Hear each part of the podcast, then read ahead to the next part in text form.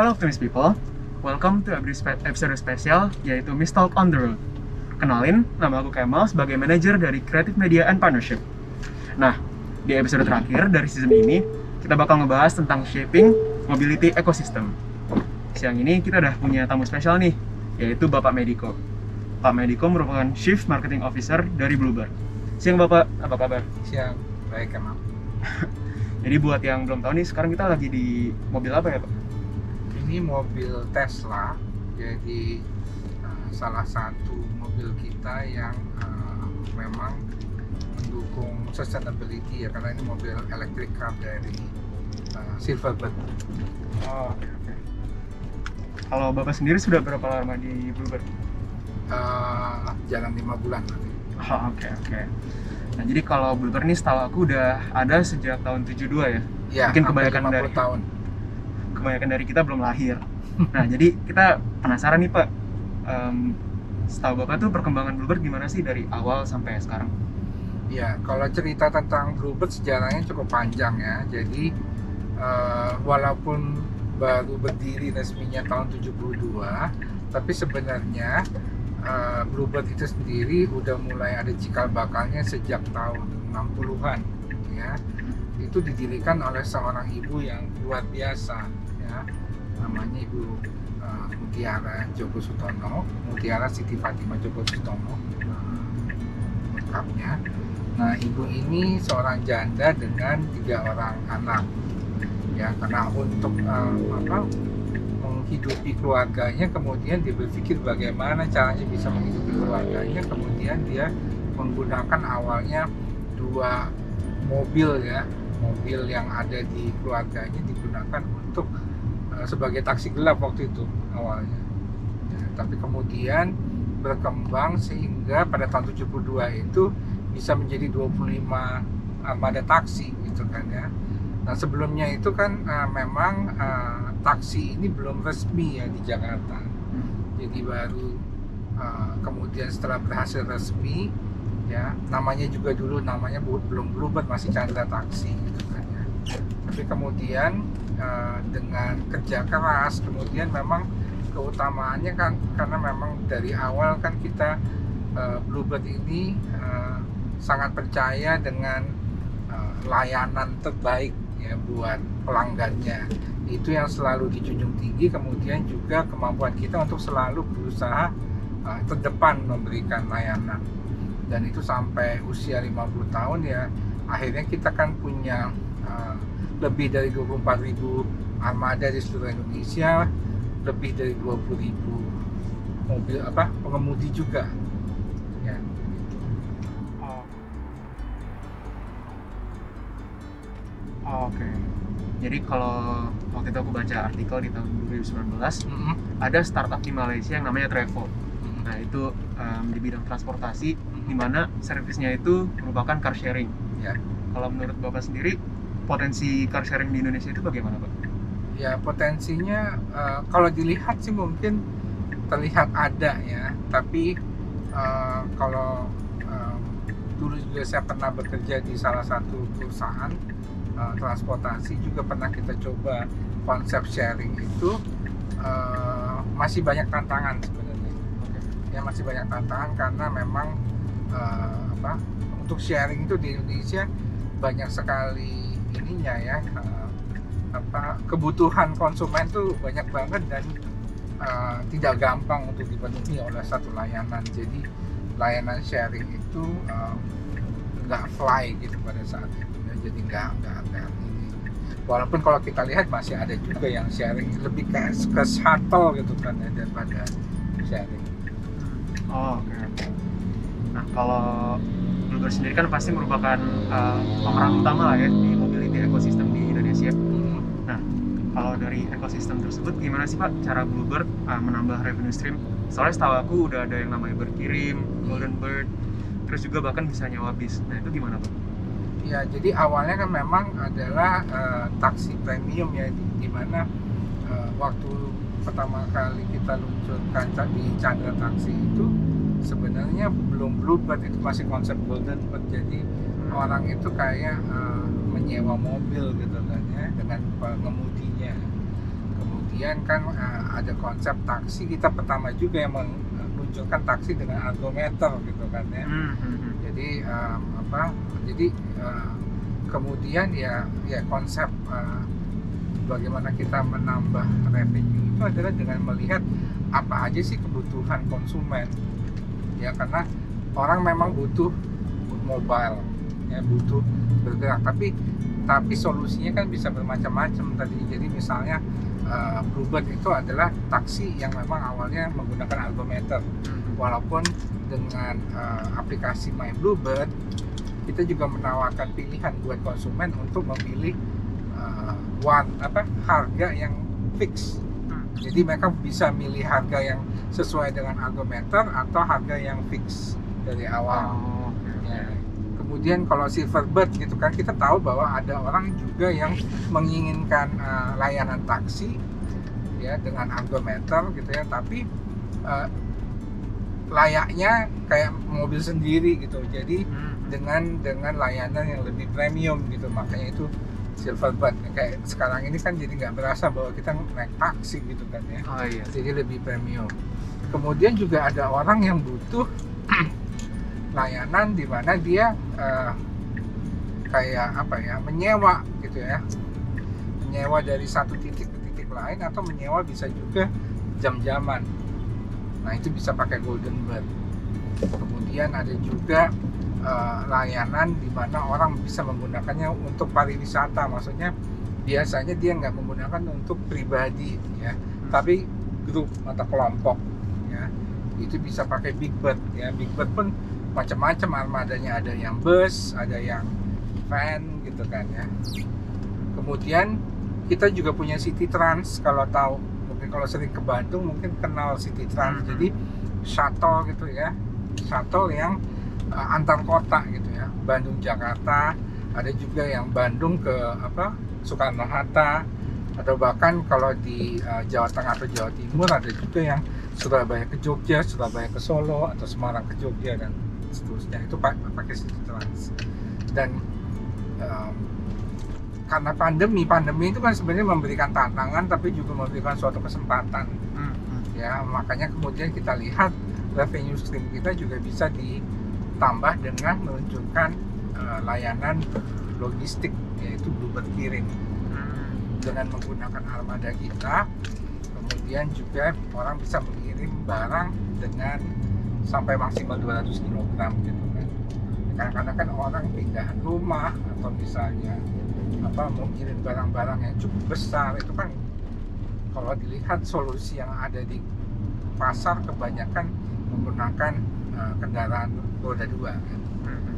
Jadi kita menggunakan armada kita sendiri bisa orang bisa mengirim barang-barang yang uh, cukup besar. Oh.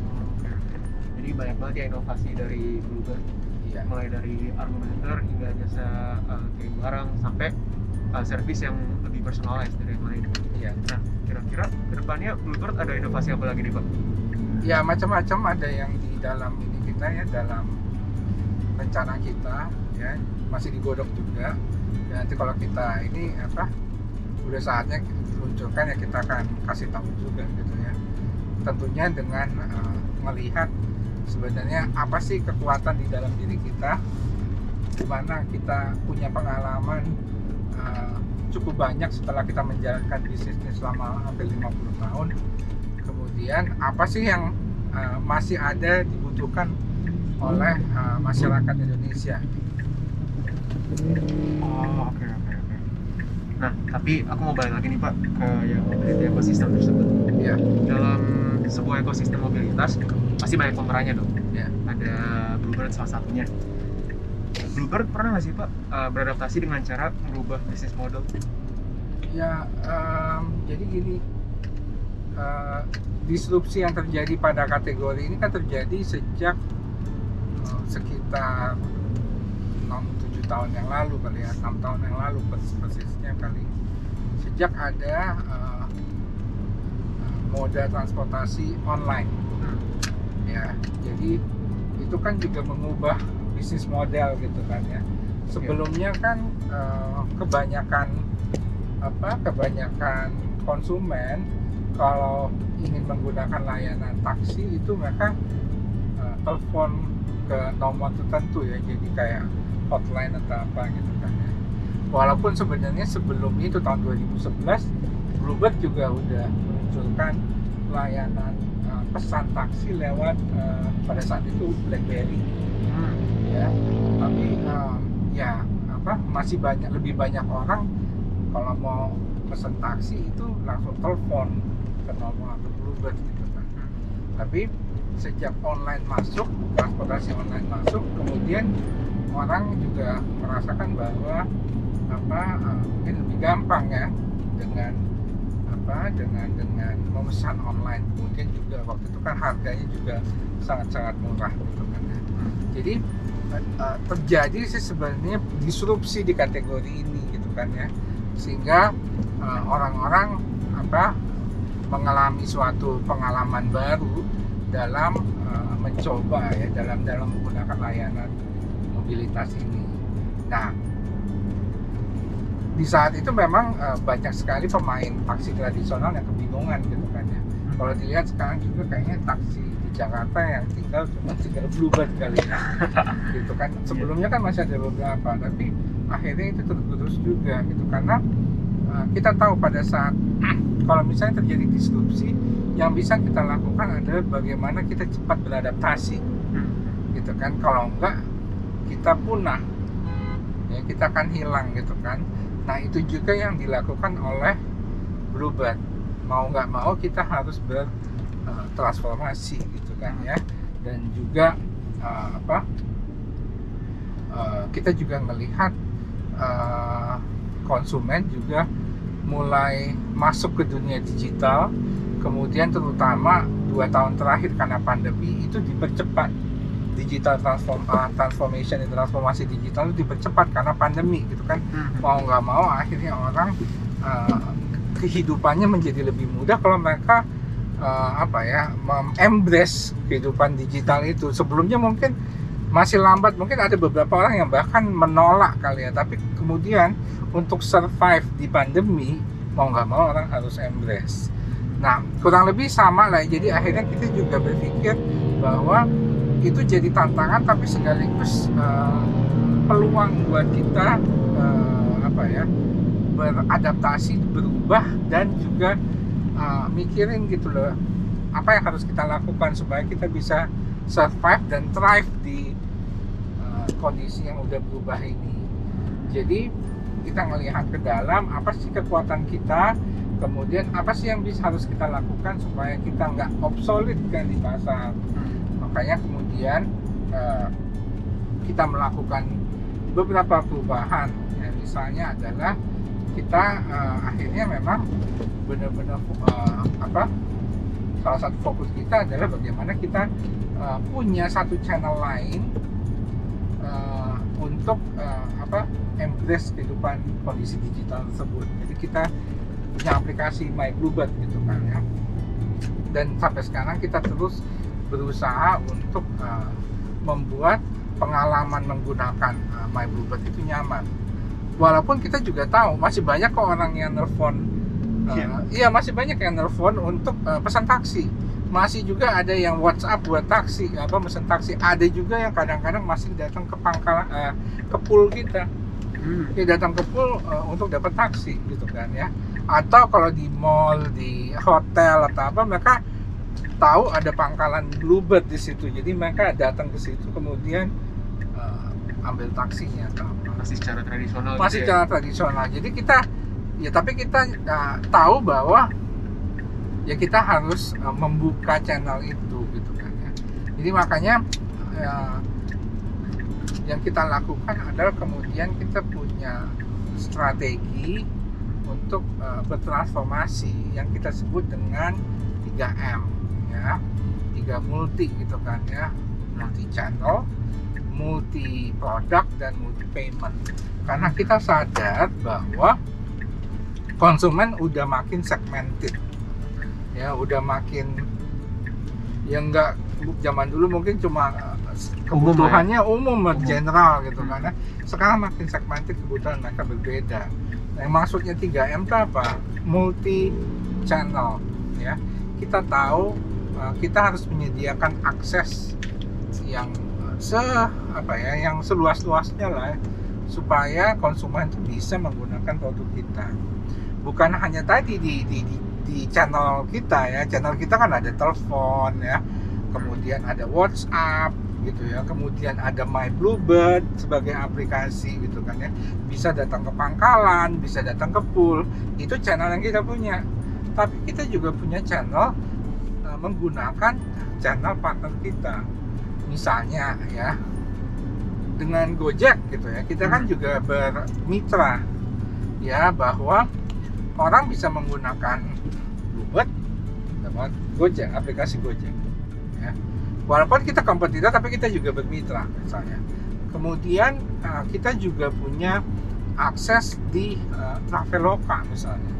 Traveloka kan awalnya kan memang uh, apps yang memang untuk uh, kita traveling ya. Tapi sekarang mereka kan juga udah jadi lifestyle apps. Nah kita juga hadir di sana. Ya, jadi orang terutama kalau orang yang ber- uh, yang memang sedang traveling gitu kan ya ke kota-kota di Indonesia misalnya dan mereka mau uh, apa mau mau misalnya pergi dari satu titik tempat ke tempat lain mereka bisa order Bluebird lewat Traveloka apps.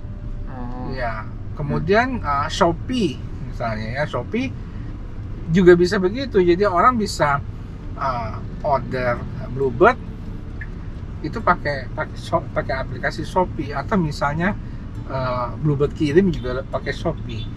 Bahkan yang terakhir itu uh, baru beberapa minggu yang lalu di BCA di uh, mobile BCA itu juga di lifestyle di lifestyle-nya tuh nah, kita juga bisa pesan Bluebird Hmm. ya.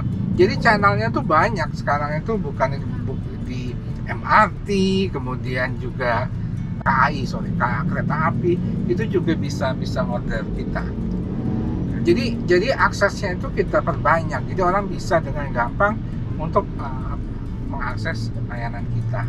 Itu yang dimaksud dengan multi channel kemudian kita bicara juga payment.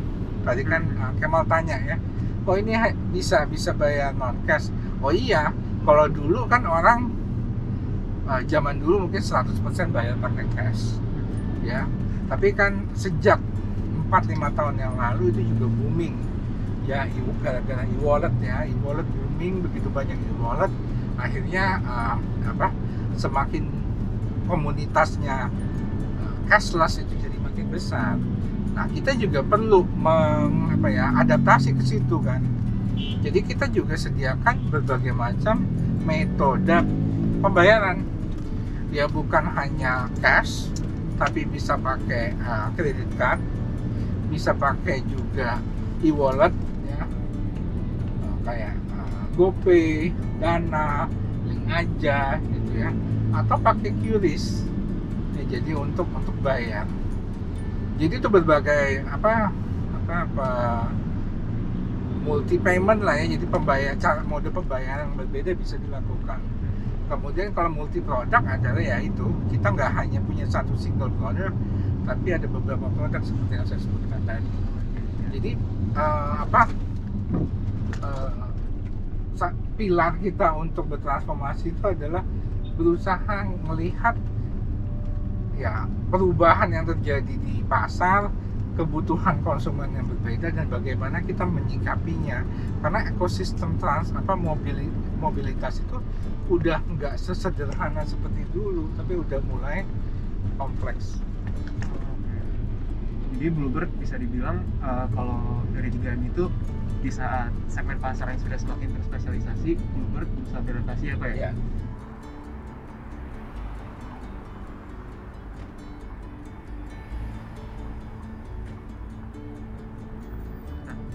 di disrupsi digital kan udah banyak banget nih ya pemain lama yang mungkin udah nggak ada, tapi juga ada banyak banget uh, startup-startup baru. Nah, kira-kira Bluebird tuh punya competitive advantage apa sih? ya competitive advantage kita di eh, apa di industri ini adalah apa yang kita udah punya dari awal bahwa dari awal kita percaya bahwa eh, kualitas layanan kita itu bisa terjadi kalau kita punya suatu apa ya eh, hubungan antar manusia yang eh, baik. Ya. Maksudnya apa? Bahwa eh, kita itu ingin melayani penumpang dan customer kita itu sebagai layaknya mereka ingin dilayani. Ya. Makanya kita sangat value itu human connection. Jadi maksudnya hubungan antar manusia. Jadi dari awal mula ya mereka uh, mau menggunakan layanan kita waktu itu pas zaman dulu kan semuanya harus nelfon jadi pada saat mereka nelfon itu kita layani juga sedemikian supaya mereka merasa suka senang dan mau terus untuk menggunakan layanan kita. Kemudian juga pada saat uh, armada kita datang menjemput mereka pun juga um, apa semua sumber daya uh, manusia kita yaitu pengemudi itu um, apa benar-benar punya standar yang kurang lebih sama. Ya bagaimana mereka uh, bersikap ber, apa sopan santun bertutur kata. Kemudian juga bagaimana mereka melayani selama perjalanan ya cara mengemudinya dan segala macam. Kalau ada barang ketinggalan harus segera dikembalikan dan seterusnya. Jadi memang uh, integritas itu juga kita junjung tinggi kemudian kalau misalnya setelah perjalanan pun kalau ada apa-apa mereka juga bisa menghubungi uh, apa customer service kita dan juga mendapatkan layanan yang kurang lebih sama. Jadi kita memastikan bahwa uh, apa hubungan antar manusia itu yang mungkin disa disampaikan oleh pengemudi kita serta customer service kita itu membuat orang menjadi merasa aman, nyaman dan juga merasa uh, mereka mendapatkan layanan yang benar-benar bisa dapat diandalkan. Nah, itu tuh jadi kayak DNA-nya kita gitu ya. Nah, itu uh, yang membedakan kita mungkin dengan pesaing kita bahkan yang sekarang yang tersisa mungkin online gitu kan ya karena mereka mungkin tidak punya standar di situ ya nggak bisa misalnya kalau kita uh, saya apa misalnya kalau kita order online ya kita bisa mendapatkan variasi layanan yang yang cukup besar. Tapi kalau di Bluebird momennya kita bisa tahu bahwa standarnya udah begitu gitu ya, jadi tutur katanya seperti apa kalau barang ketinggalan pasti akan aman dan segala macam. Nah itu yang membedakan kita.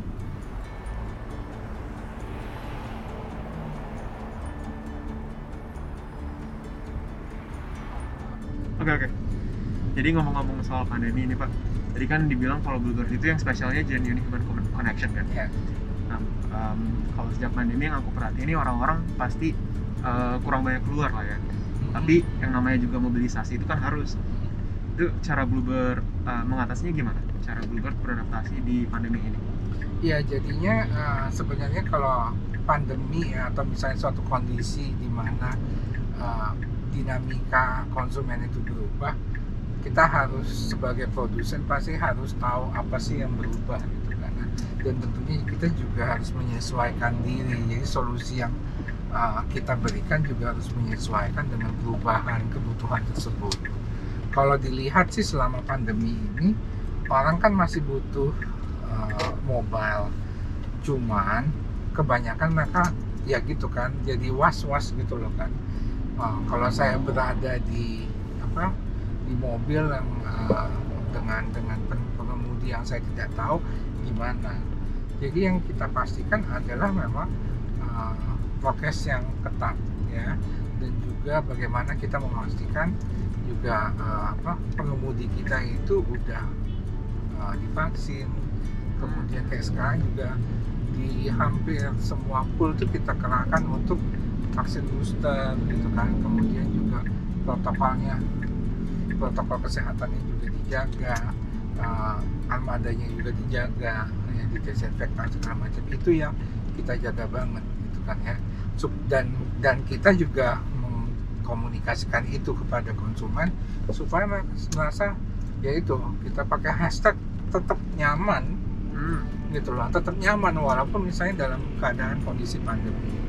Dan kita juga punya uh, armada spesial untuk yang memang kadang-kadang diperlukan ya. jadi kayak Golden Bird itu punya Golden Bird Special Care yang memang uh, apa bisa digunakan khusus untuk orang yang misalnya positif COVID gitu kan ya. dan kalau dilihat selama ini gara-gara Omicron ini sebulan terakhir itu naik 10 kali lipat itu penggunaan Golden Iya. Bird uh, Special Care itu ya dan kalau Kemal lihat juga setiap repatriasi orang-orang yang baru datang dari luar negeri itu kalau mereka harus repatriasi kan mereka harus di apa di karantina dulu tuh Iya. di hotel itu dari dari bandara hanya hanya Bluebird yang bisa membawa mereka ke hotel di mana tempat mereka karantina. Nah, jadi eh, sebegitu ininya kita, pokoknya kita ingin memastikan bahwa ya orang mobile walaupun mau dia positif atau dia negatif, tapi misalnya dia ngerasa was-was, kita harus memberikan eh, garansi lah gitu loh bahwa mereka tetap yang aman dan nyaman gitu ya. Ya itu dari segi mobilitas, kemudian juga peluang tadi yang saya bilang bahwa akhirnya pada saat pandemi kita uh, luncurkan Bluebird kirim karena kita lihat ada peluang juga di situ gitu Hmm, Oh, oke oke. Tapi kalau misalnya dengan datangnya disrupsi teknologi pasti harus berubah dong cara berubah uh, mungkin strategi marketingnya gimana Hmm? atau strategi-strategi yang lain itu perubahannya gimana ya Pak? Apakah sangat ekstrim 180 derajat? Apa Bluebird ngehandle-nya pelan-pelan? ya apa yang jelas adalah namanya perubahan ya kita juga perlu nah, kalau perubahan itu kita bukan hanya bicara tentang sistem atau proses atau misalnya toolnya ya tool berubah tapi juga harus bicara tentang organisasi kalau ngomongin organisasi berarti ngomongin orang jadi kita harus mikirin ketiga hal tersebut ya jadi people proses kemudian juga apa itu sistem atau tools gitu kan ya. Nah, eh, cepat atau lambatnya itu tergantung pada seberapa juga kita butuh gitu kan perubahan itu gitu kan ya. Nah, nah kayak kalau ditanya tentang marketing terus terang sebelum eh, disrupsi nggak ada departemen marketing di Oh, belum ada? nggak ada Oh, justru pada saat disrupsi hmm? itu eh, apa terlihat bahwa oh ternyata kita butuh marketing. Jadi kalau ditanya departemen marketing di Bluebird itu masih baru Oh, gitu kan ya. hmm. Kemudian juga eh, apa? Kemudian kita sendiri juga akhirnya harus kita tahu bahwa untuk bisa survive and thrive in this disruption dan kita juga harus fokus untuk eh, apa? digitalisasi gitu kan ya. Digitalisasi itu membantu bukan hanya konsumen tapi juga di dalam. Nah, untuk itu kan kita invest banyak juga ke IT kita. Dan IT kita itu semua lokal. Oh, Ya, jadi jadi tim IT kita semua lokal dan dikerjakan di dalam semua. Jadi eh, aplikasi kita itu ya memang hasilnya lokal gitu kan ya. Nah, jadi em, perubahannya itu menurut saya sih cukup besar ya. Eh, karena ya tadi saya bilang ya marketing dulu nggak ada sekarang jadi ada gitu kan dan juga mungkin baru ya Nah, jadi kayak saya saya juga harus paham bahwa em, uh, ada ada ini ya namanya tadi perubahan transformasi saya juga harus menyentuh orang-orang tim saya gitu kan jadi nggak bisa juga kita uh, kayak mesin langsung berubah tapi harus juga ya apa dikasih tahu apa yang harus berubah mengapa kita berubah dan Hmm. segala macamnya gitu Jadi dulu Bluebird sebelum uh, disrupsi teknologi kerja sama sama marketing agency di luar atau gimana? Atau Uh, dulu adanya apa departemennya namanya business development lebih Oh. Ya jadi dan apa dulu itu kebanyakan menggunakan uh, word of mouth. Ya Hmm. jadi jadi warm itu penting banget waktu itu buat Bluebird gitu kan. Nah, itu yang menyebabkan Bluebird juga bisa jadi besar gitu adalah warm. Tapi dengan di apa disrupsi segala macam akhirnya disadari bahwa kita membutuhkan lebih banyak lagi. Karena kan marketingnya juga channelnya berubah ya kemudian caranya juga apa berubah nggak bisa lagi warm gitu kan karena tiba-tiba si disruptor itu menggunakan cara-cara yang beda dan makanya itu juga kita harus beradaptasi dan cukup agile lah Hmm. untuk untuk melihat mana yang paling pas buat kita Hmm, oh, oke oke. Kalau ngomong-ngomong Bluebird nih, kan tadi aku udah singgung sebelumnya ya udah udah berdiri dari tahun 72 lah ya, udah 50 Iya. tahun sekarang. Dari zaman orang tua aku tuh, kalau misalnya kita mau pesen taksi, mau ke rumah sakit atau sekolah itu pasti Bluebird. Jadi tuh um, seakan-akan kalau orang mikirin taksi itu pasti Bluebird, ya kan? Itu cara Bluebird um, mempertahankan posisi itu gimana ya? Apakah dengan konsistensi, apakah dengan inovasi yang dari tahun ke tahun, atau sustainability atau gimana tuh? Jadi eh, kalau saya konsepnya adalah em, kita harus tahu sebenarnya kita harus tahu apa sih yang berubah di pasar ya? Bluebird udah tahu bahwa ada disrupsi ya. Kemudian habis disrupsi ada pandemi pula ya. Hmm. jadi double hit gitu kan ya. Nah eh, tapi kita ngelihat beberapa peluang ya. Jadi berarti kan konsumen berubah kebutuhannya berubah mereka juga cara juga untuk apa mela- mendapat layanan kita berubah. Makanya kita, kita juga punya channel yang banyak tadi ya multi channel itu kemudian mereka juga butuh produk yang berbeda-beda juga ya. Nah eh, dari situ kita ngelihat apa sih kekuatan yang kita punya? Apa sih yang kita bisa untuk eh, kita tawarkan gitu ya ke eh, market atau pasar yang berubah ini ya. Jadi eh, untuk kita bertahan di seka- zaman sekarang dan kemudian juga mudah-mudahan bisa menang dan juga kita juga jangan lupa ada apa masa depan yang perlu kita pikirin. Ya jadi eh, kalau saya lihat sih adalah ya kita harus survive and thrive sekarang tapi juga mikirin gimana caranya kita mikirin masa depan sustainability-nya gitu kan ya. Salah satu hal yang kita lakukan adalah kita selalu ber, apa ya berperan sebagai katalisator katalis.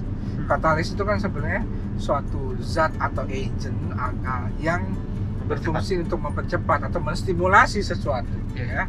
Nah kita kan selalu, umumnya itu selalu yang pertama gitu ya dalam argometer waktu zaman dulu. Kemudian pada saat kita pertama juga yang masuk sebenarnya ke aplikasi waktu waktu itu pakai uh, BlackBerry tapi memang uh, adopsinya tidak secepat pada saat orang punya apps gitu kan ya kemudian juga kayak mobil elektrik ini gitu kan itu adalah cara-cara kita bagaimana kita berusaha menjadi katalis gitu nah ya jadi ada beberapa strategi yang kita lakukan buat masa sekarang kemudian ada juga hal-hal yang kita lakukan untuk uh, berinovasi ya sebagai katalis buat uh, persiapan masa depan Hmm, oke oke. Jadi kalau misalnya saya apa tuh melihat Bluebird melalui lensa seorang investor, pasti saya harus tahu kira-kira nilai apa sih yang Bluebird pegang uh, selama ini kan selama 50 tahun. Kira-kira apa aja sih pak value value penting yang dipegang oleh Bluebird hingga bisa bertahan selama setengah abad? Jadi kita itu eh, nama brand kita Bluebird itu kan artinya biru. Iya. ya. Pernah dengar legenda burung biru nggak? Belum belum. Ya. Jadi itu di Eropa sebenarnya ada legenda burung biru. Jadi ceritanya nanti mungkin bisa di Google burung biru itu apa. Nah kalau di apa di eh, lihat sebenarnya burung biru itu adalah simbol kebahagiaan. Jadi burung pembawa kebahagiaan. Jadi kita menggunakan itu juga karena kita pengen kita punya dampak ke komunitas kita bisa bahagiain orang gitu membuat orang lain bahagia. Mungkin yang secara langsung adalah pengemudi kita. Tapi eh, secara tidak langsung itu adalah juga penumpang kita. Kenapa? Ya, cerita dulu. Jadi orang kenapa sih mau pindah dari satu tempat ke tempat lain? Ya apakah dia mau pergi kerja ataukah misalnya dia mau pergi kuliah ataukah misalnya dia mau pergi ketemu investor lah atau pergi wawancara pertama ya buat first job ataukah mau ketemu pacar atau mau pertama kali ketemu mertua ataukah ketemu keluarga atau temen reunian atau apa pun juga. Itu sebenarnya buat apa sih? Itu kalau menurut saya filosofinya karena mereka tuh pengen lebih dekat lagi ke sesuatu hal yang penting buat dia. Kalau nggak penting mereka nggak mungkin mobile kan? Oh iya iya. Ya nggak? Ada Ya effort lah ya. udah ada effort. Ngapain pindah gitu ya? Karena mereka merasa kalau mereka melakukan mobilitas itu mereka bisa lebih dekat ke sesuatu yang memang penting buat dia. Apakah kerja apakah kuliah apakah apa ya? Jadi ada sesuatu gitu kan ya dan sesuatu itu penting buat mereka karena apa? Karena itu membuat mereka bahagia. Membuat mereka happy. Jadi kayak gitu. Jadi dan kita itu membantu mereka untuk lebih dekat lagi ke sesuatu yang mau membuat mereka tuh jadi apa eh, merasa senang merasa happy. Karena mereka mendapatkan sesuatu lebih dekat lagi ke sesuatu yang penting. Itu gitu. Nah dengan pemikiran segitu filosofi seperti itu kita itu tadi human interaction itu human connection itu memang jadi DNA kita. Jadi kita memang kalau di Bluebird rasanya itu pertama adalah kekeluargaannya tinggi sekali. Oke. Kemudian tapi kita juga mengajarkan pada para pengemudi dan karyawan kita integritas kejujuran. Integritas dan kejujuran. Kenapa? Kalau kita nggak jujur atau apa nanti akibatnya yang rugi siapa? Yang rugi itu penumpang kita dan kita nggak mau. Karena kalau enggak dia kayak nggak jadi happy. Maksudnya adalah mereka nggak happy karena mungkin waktu zaman dulu ya argo mungkin suka dikerjain sama apa gitu kan. Ya, makanya kita pakai argo dan ini. Karena kita pengen mereka tuh nggak di dalam kan orang kalau misalnya lagi lagi ya mobile begitu kita pengennya adalah mereka kan nggak mikirin argonya berapa? Argo ketipu atau enggak? Atau apa gitu kan? Kayak cemas begitu ya. Udah fokus aja misalnya ke sesuatu yang mereka bayangin nanti ke nyampe nyampe mau ngapain atau apa gitu loh kan. Terus juga kalau bawanya nggak enak karena kesel atau apa kan juga nggak enak penumpangnya. Jadi was was gitu kan nah, hal-hal seperti itu. Jadi mereka benar-benar kita ajarin untuk jujur integritas. Ya kemudian juga apa kerja keras gitu kan ya. Eh, jadi hal-hal yang seperti itu sebenarnya cukup basic tapi ya kita ajar kita kita kita ajarin eh, dalam artian supaya mereka bisa memberikan yang terbaik buat eh, pelanggan kita. Makanya kita punya punya satu ek- ekspresi dari brand bahwa tiap kilometer itu berarti. Maksudnya adalah kita ingin memastikan bahwa perjalanan bersama kita itu itu memang penting kan buat buat buat penumpang kita. Dan kita pengen mastiin tiap kilometer itu benar-benar membuat mereka aman nyaman dan merasa bahwa kita bisa diandalin. Jadi buka benar-benar kita pikir bagaimana sepanjang perjalanan itu. Jadi ini bukan hanya buat pengemudi tapi juga buat yang tim bengkel kita yang memastikan misalnya armada itu kan armada di Bluebird nggak bisa keluar kalau nggak terima Hmm, ya jadi jadi bengkel dan beng- beng- tim bengkel tuh memastikan itu. Nggak boleh ada lecet nggak boleh ada apa. Jadi benar-benar sempurna. Ya jadi gitu. Dan tim yang lain yang mungkin bukan yang nggak langsung berhubungan dengan apa dengan dengan eh, customer ya, kita jadi gitu jadi ada ada filosofi di balik itu ada sesuatu yang kita pertahankan ada beberapa nilai-nilai yang memang turun temurun sampai sekarang.